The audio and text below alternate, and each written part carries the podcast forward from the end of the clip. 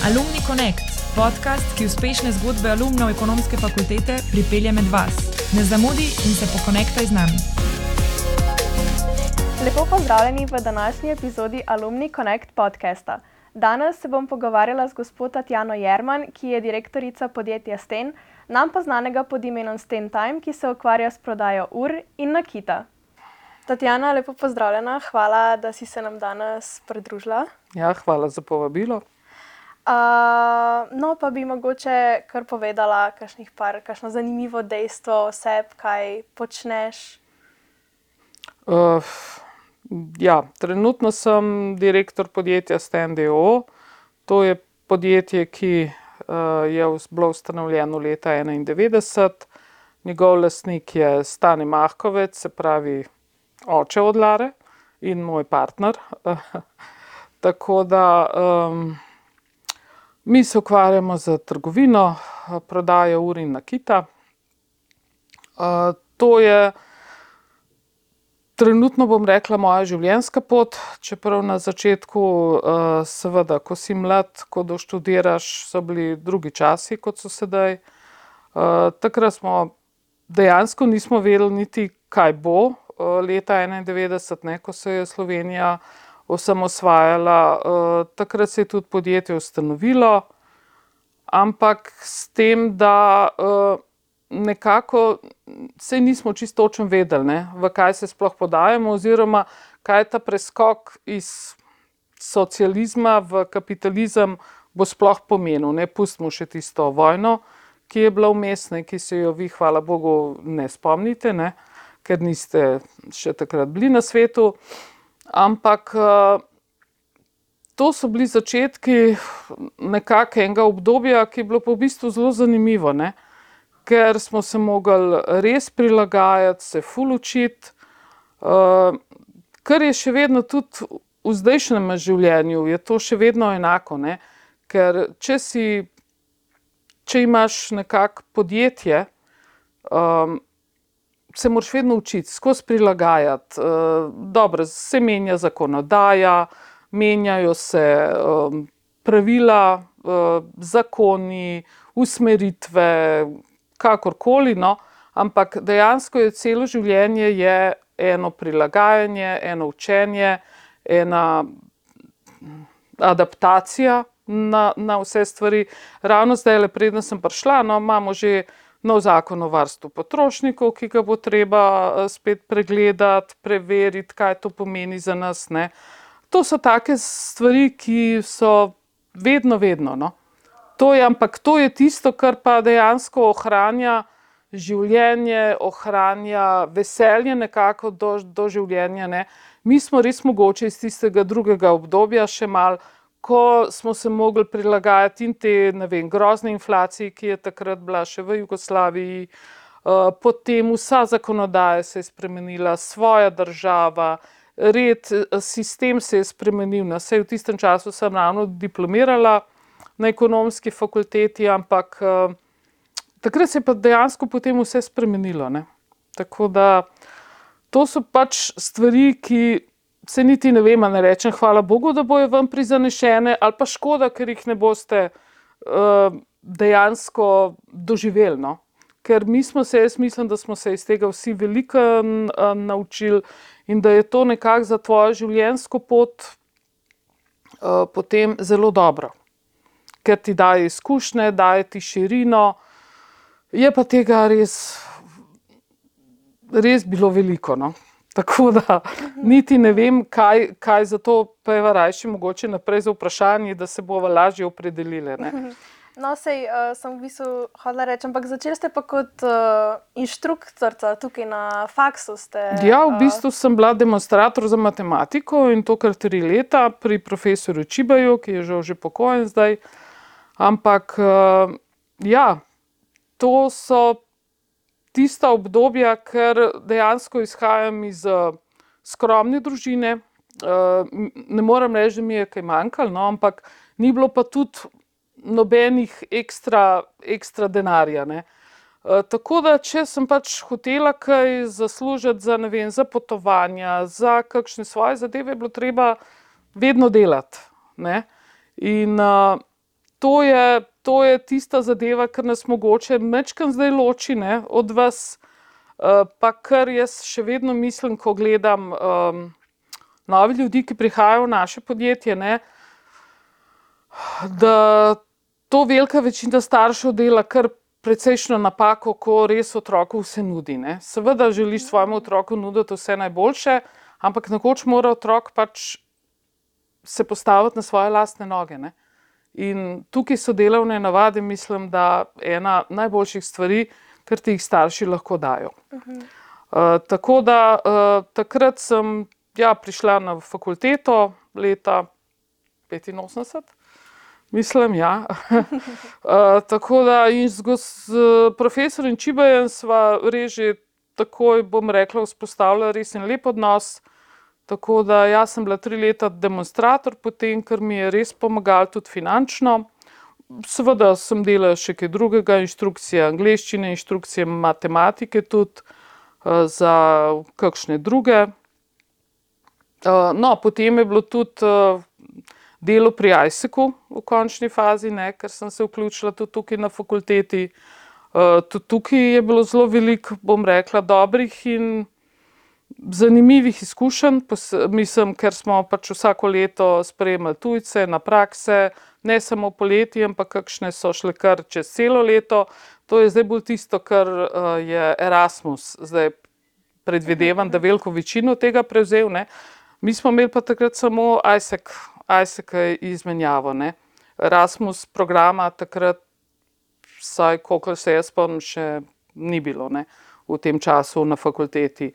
No, in to so vse tiste izkušnje, kar moram reči, poleg seveda fakultete in znanja, ki smo ga dobili tukaj, so bile pa to tiste druge življenjske izkušnje. Ne. Tako kot je bila to komunikacija z ne vem, v, ko sem bila jaz v četrtem letniku, sem učila pol prvega letnika, ne, se pravi, to je tisoče ljudi, ne. Um, ker takrat je bilo še vedno precej velik upis v prvoletnik. Um, ja, in to ti da tudi, ne vem, eno širino, kontakte, um, veliko ljudi spoznaš čez to, ne, in to so pač take stvari, ki te, mislim, da v življenju bogatijo, ne. Ja, ja, seveda. Uh, kako ste pa v bistvu potem sploh prišli do finančnega ministrstva, ker kot vemo, je bila vaša naslednja stopnička v bistvu delo v javni upravi? Ja, to pač prijavila sem se na oglas, vmes je bilo ravno, um, uh, sem zgubila službo uh, v enem podjetju uh, in imeli so razpis, takrat morate vedeti, da je bilo finančno ministrstvo, to je bilo na začetku samostojne Slovenije. Ne. Ko sem jaz prišla na finančno ministrstvo, nas je bilo tam, uh, ne, da, da bom zdaj le na robe številke rekla, ampak mislim, da okoli 40 zaposlenih. Ne. Zdaj jih je verjetno, ne vem sicer, ker ne sledim, ampak že takrat, ko sem jaz potem šla, leta 99, nas je bilo, mislim, da vse 300. Tako da to so, ja, tudi v tem času, to je bila ena neverjetno zanimiva izkušnja, ker smo dejansko postavljali uh, finančni red Slovenije, pisali zakone, uh, okay, pogajali se za bivšo Jugoslavijo glede uh, sukcesije. To so bile res neprecenljive izkušnje glede tega, ker um, nekako sodelovati pri ustvarjanju, bom rekla, pravnega reda nove države, uh, verjetno to ni ravno izkušnja, kjer se veliko ljudi, mislim, kjer je bilo veliko stvari udeleženih. Vmes smo tudi sanirali banke, jaz sem pač delala na bančnem podro, področju. Um, Tako da, resno, to so bile neverjetne izkušnje, uh, tudi za ljudmi, z vsemi sodelovanje z Banko Slovenije. Pač to je bilo res en tak čas za učenje, za izkušnje, uh, in takrat je bilo ravno pravi čas za to. No? Ker se je, velik, se je pa res veliko stvari dogajalo. Na koncu smo tudi evropske smernice eh, študirali, ne, ker je bilo pač že nekako v smislu, da se bo Slovenija začela, mislim, pogajati za vstop v, v Evropsko unijo. No, samo se pravi, potem je bil pa tisti preskok, ko se je bilo treba tudi odločiti, kaj v zasebnem življenju.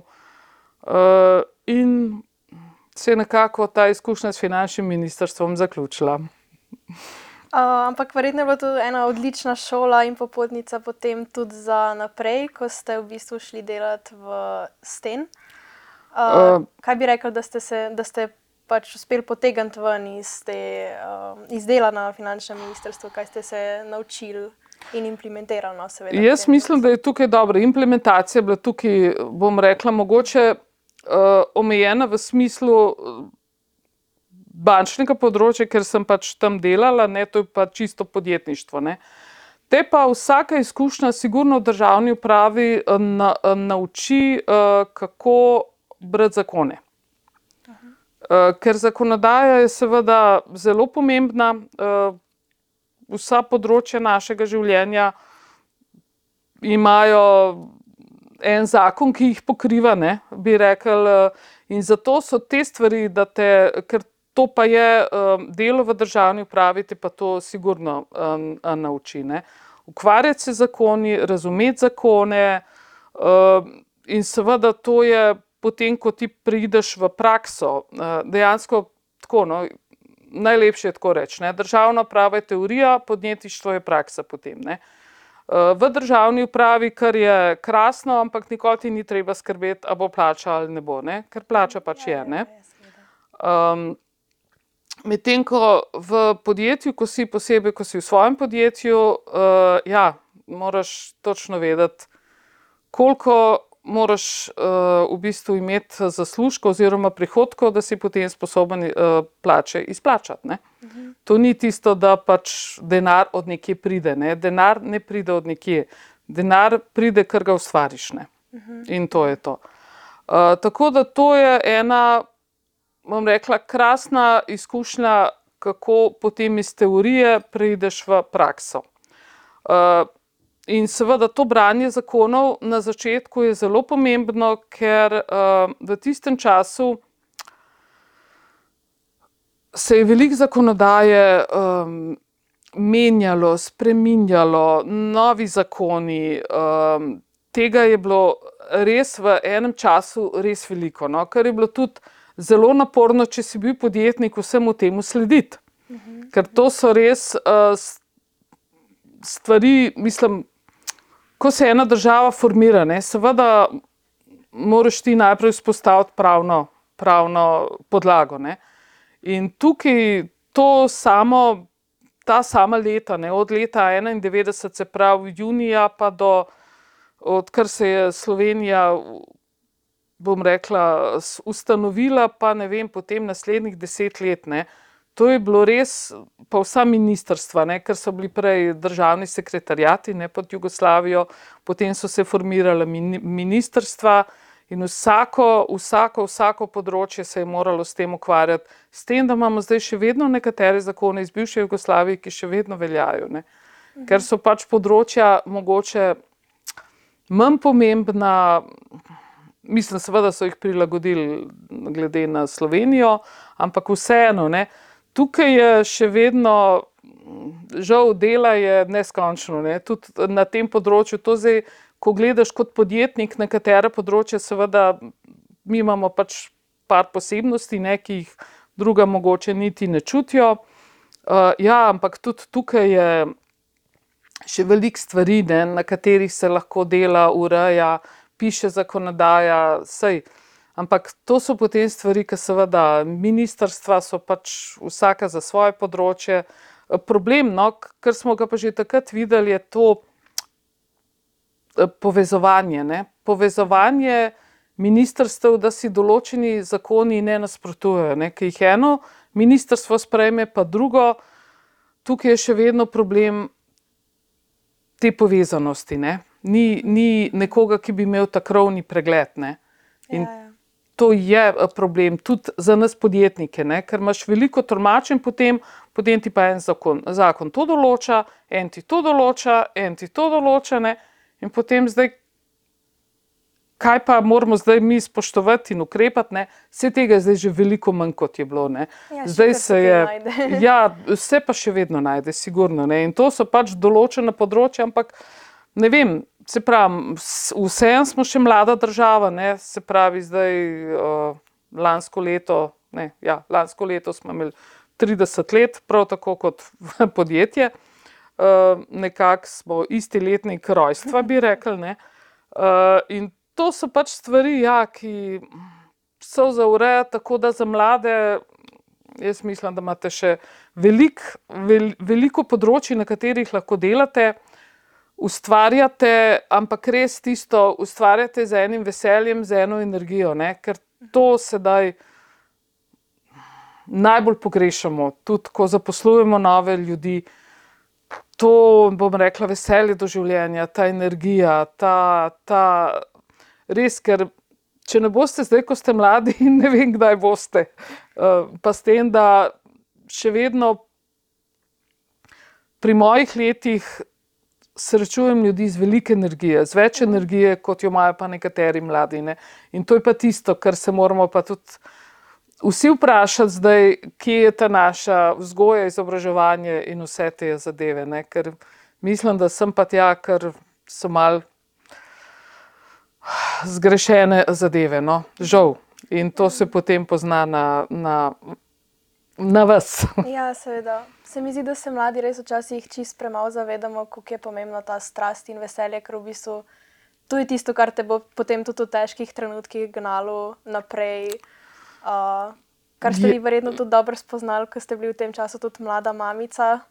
Ja, tudi to, ne, ker je. Uh, v bistvu, mislim, težko je povedati, uh, kako je to, ko imaš ti dejansko uh, podjetje in zaposlene, za katere moraš skrbeti. Ne? Ker to so dejansko stvari, uh, recimo, če vzamemo tudi Laro za primer, ne? Lara se je rodila sredi ju, julija. Uh, in jaz sem, preden sem šla že v porodnišnico, sem rekla, jo je bolj, da obračun DDV za vsak slučaj naredim. Ja, točno tako, ker ne vem, kako, kako bo. Ne? Ja, in sem šla pač, še preden sem šla v porodnišnico, sem šla pač v pisarne, to narediti. To je potem tisto, kar je pa dejansko življenje. Ne? Ker ti veš, da moraš nekaj pač narediti, eh, država, oziroma uh, zdaj je uh, Furs ali Durs, se nikoli ne Durs. Um, nikoli ne vpraša, uh, si ti to sposoben narediti ali nisi. Ne?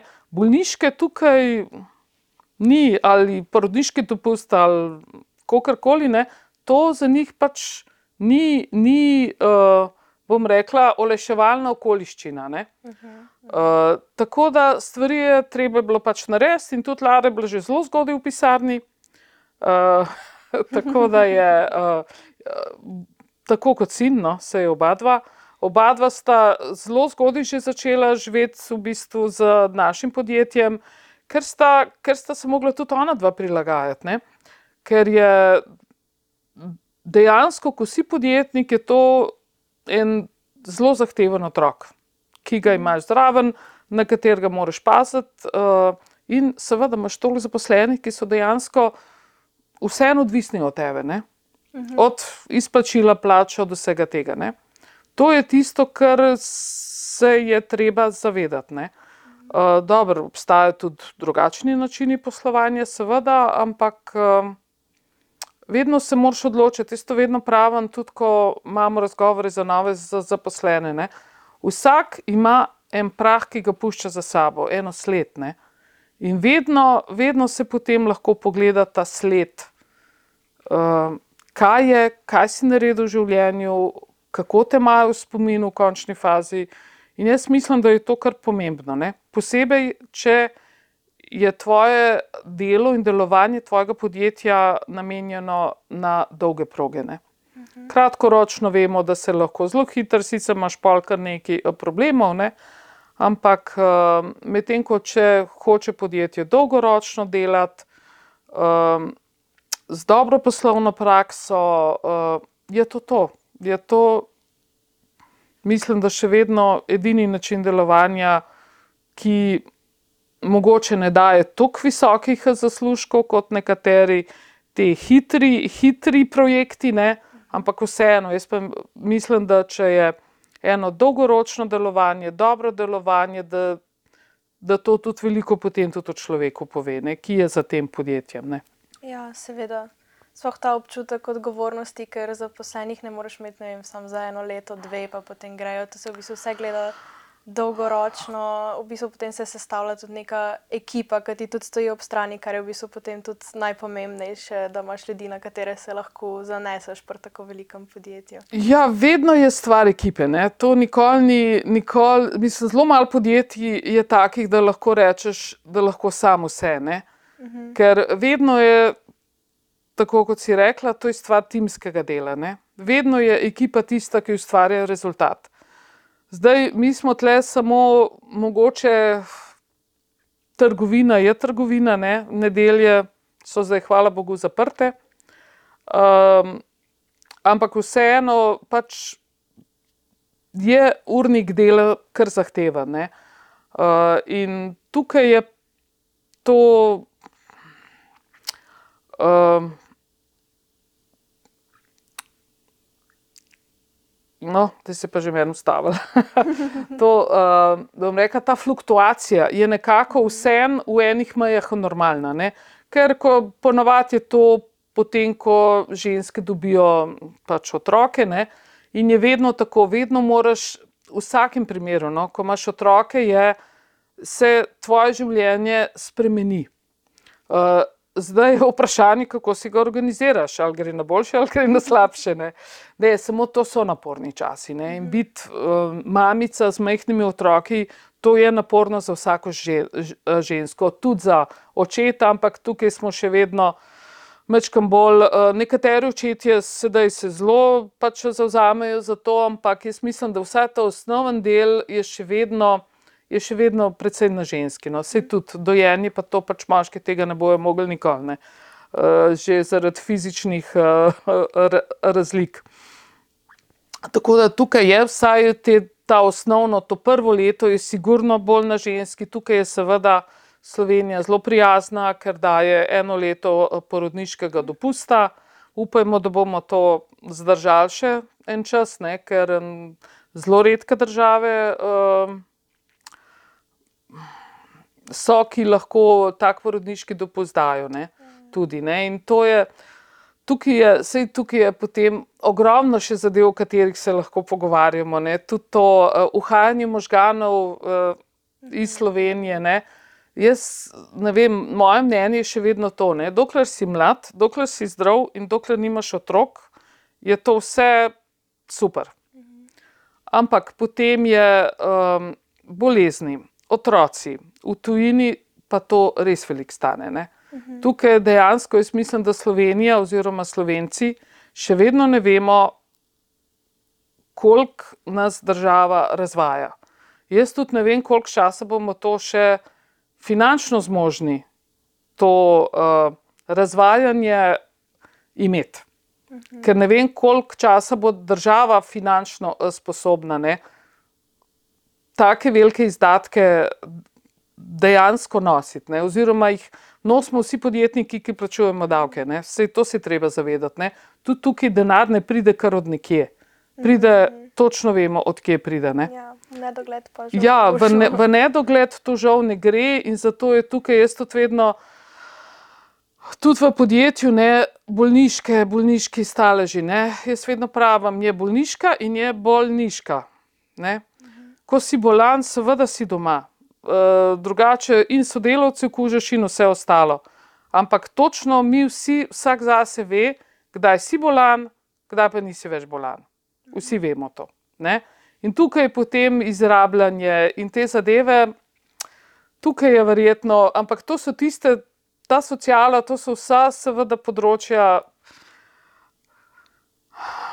ki jih nobena vlada noče vanje zagristne ker to pomeni, to pomeni uh, veliko, bom rekla, slabe energije, oziroma to so kar ene stvari, ene prednosti, za katere pa slovenci vsi mislimo, da nam kar pripadajo. Ne?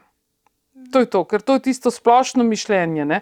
Če greš kamorkoli, že v Evropi, da ne govorimo v Ameriki, ne? Ko vidiš tam, koliko otrok je brez osnovnega zdravstvenega zavarovanja, ki, ko so bolani, nimajo nikamor, da lahko sploh grejo, če nimajo denarja za plačati. In potem si rečeš, ko to veš, si rečeš, joj, hvala Bogu, da sem tukaj. Ne? Vsaj glede otrok. Ker pri nas, kadarkoli, ali je urgenca, ali je dežurni zdravnik, ali je to, otroka vedno lahko peleš. Ne? Vedno, vedno lahko dobi osnovno zdravstveno oskrbo. Ne? In tukaj so potem, uh, no, to so zdaj že težke zadeve uh, za vse nas, tudi za vas. Uh, verjetno bolj za vas, kot za nas, um, ker po letih.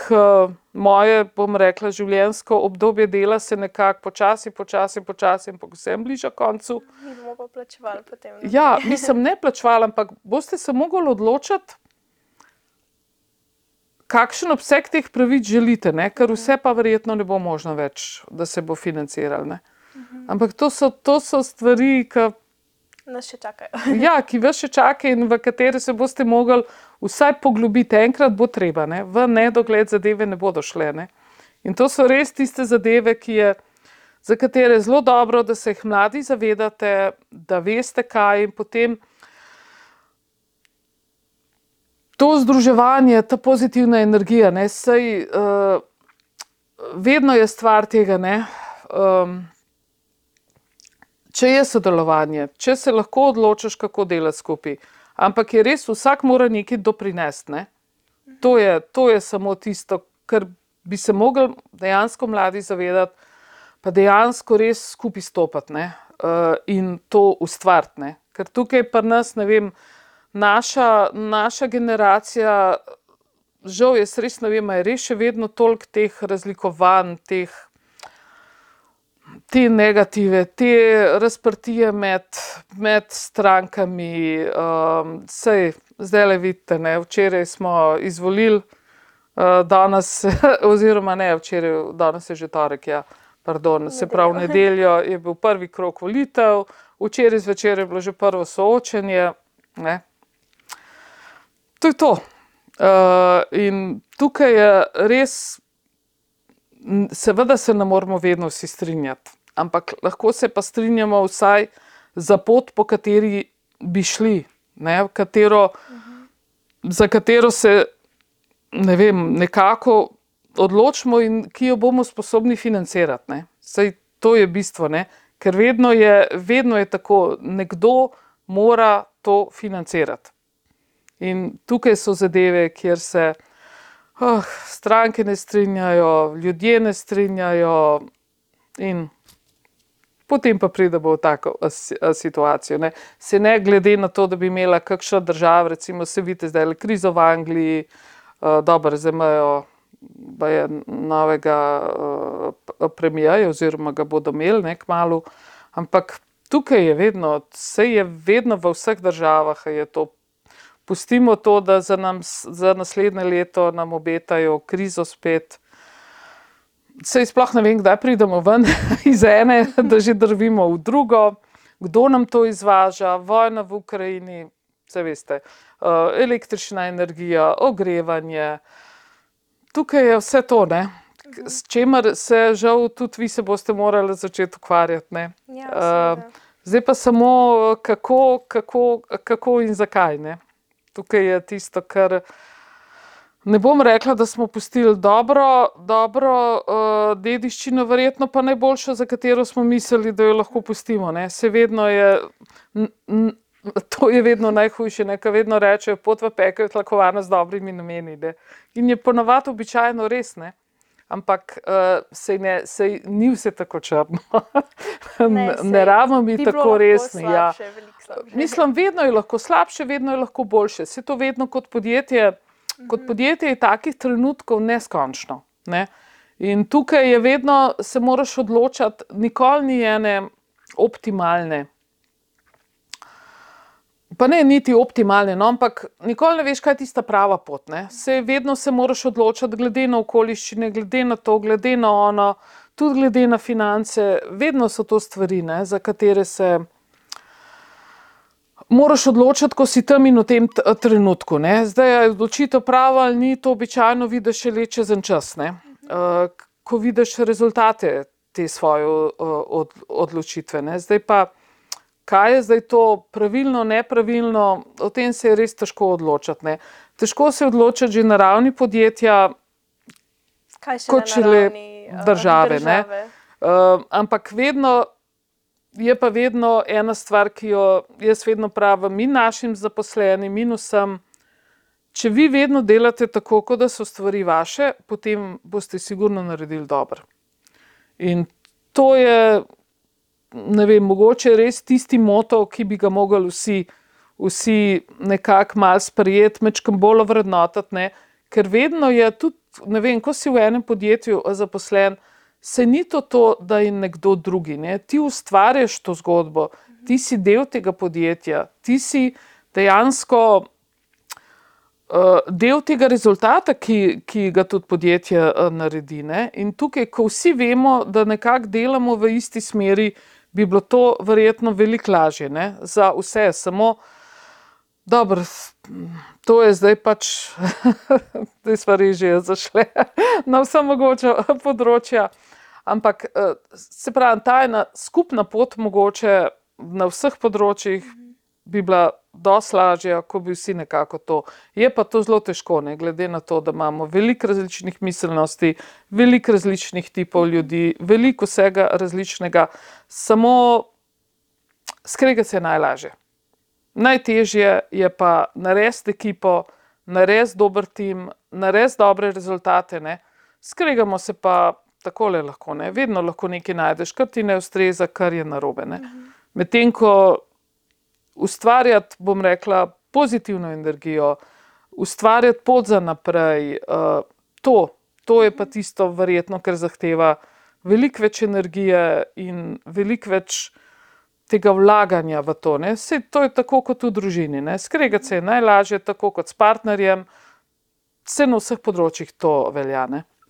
pa vredno v podjetju pri tej motivaciji zaposlenih ima v bistvu največjo vlogo prav vodja uh, podjetja. Vi morate jih uh, najbolj verjetno zmotivirati. Kako je bilo pri vas, uh, pri vsem tem, čez vse te krize, sploh zdaj čez korono, uh, ko zvemo, niste odpuščali uh, ljudi, kako ste se spopadali v bistvu s tem, da ste jih vseeno obdržali motivirane, da vam je šlo naprej? Ja, to je korona je bila res, bom rekla, en en dogodek, ki ga nihče ni pričakoval.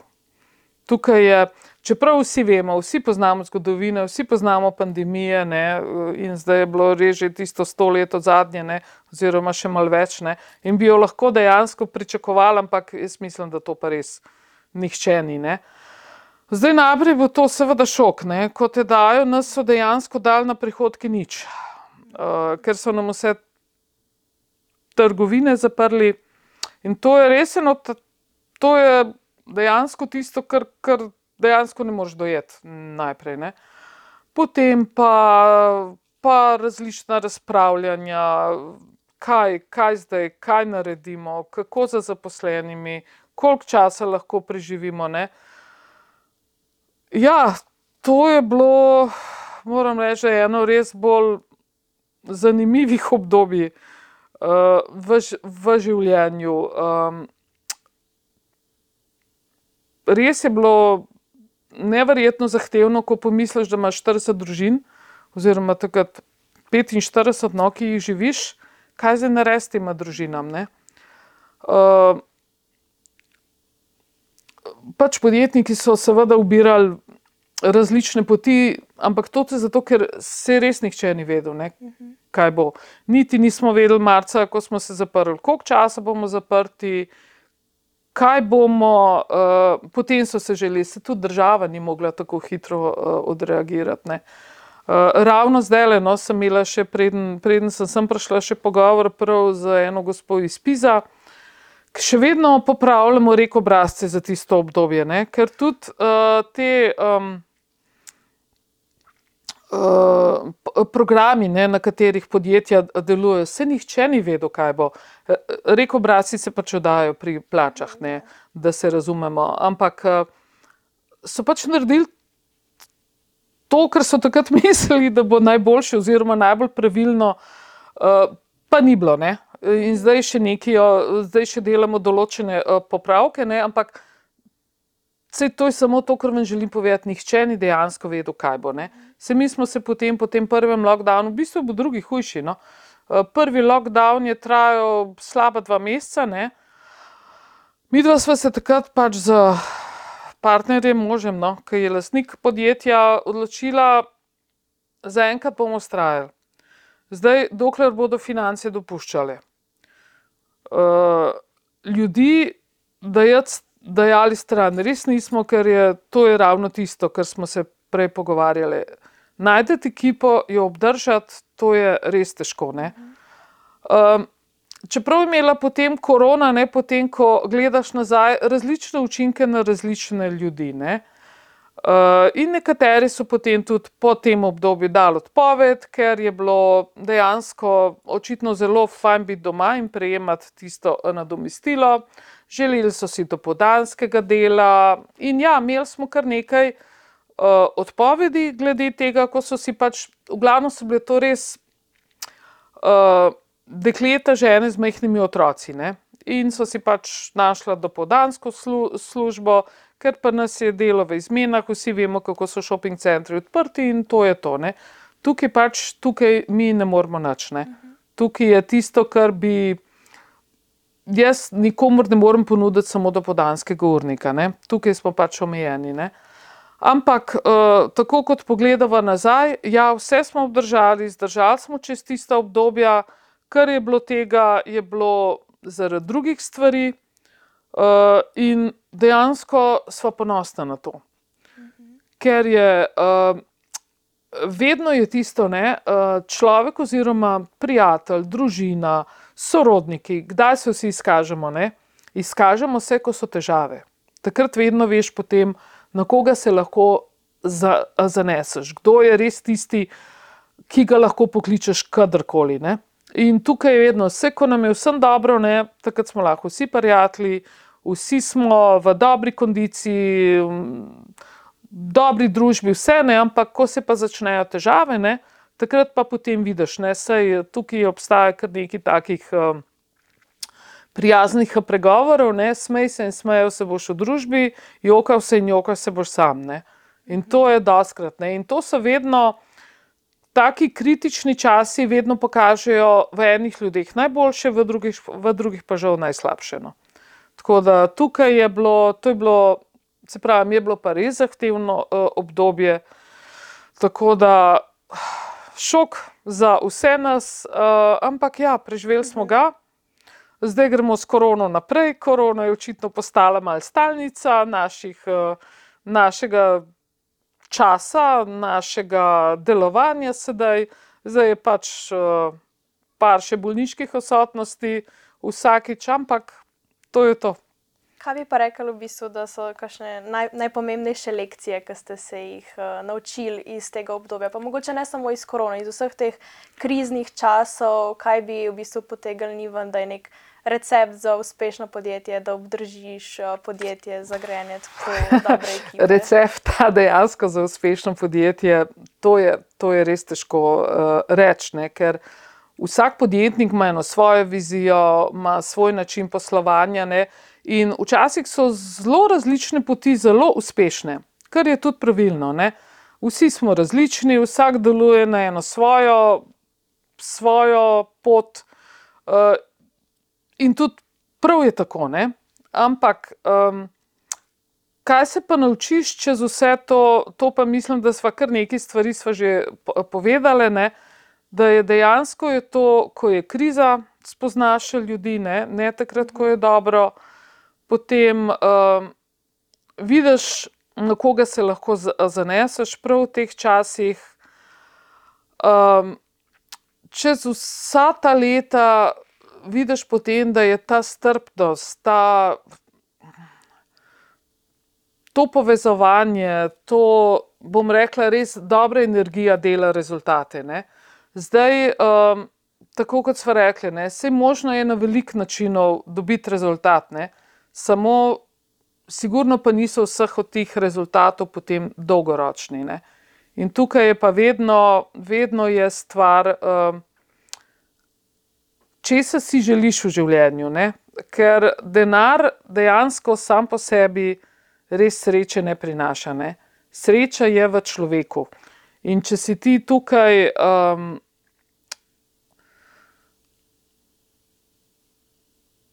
Nekako, da si srečen tudi z majhnimi radostmi. Ne? To je smisel, da je največja tista popotnica, ki se lahko da. No? Da se naučiš, kako biti srečen, ne s tem, da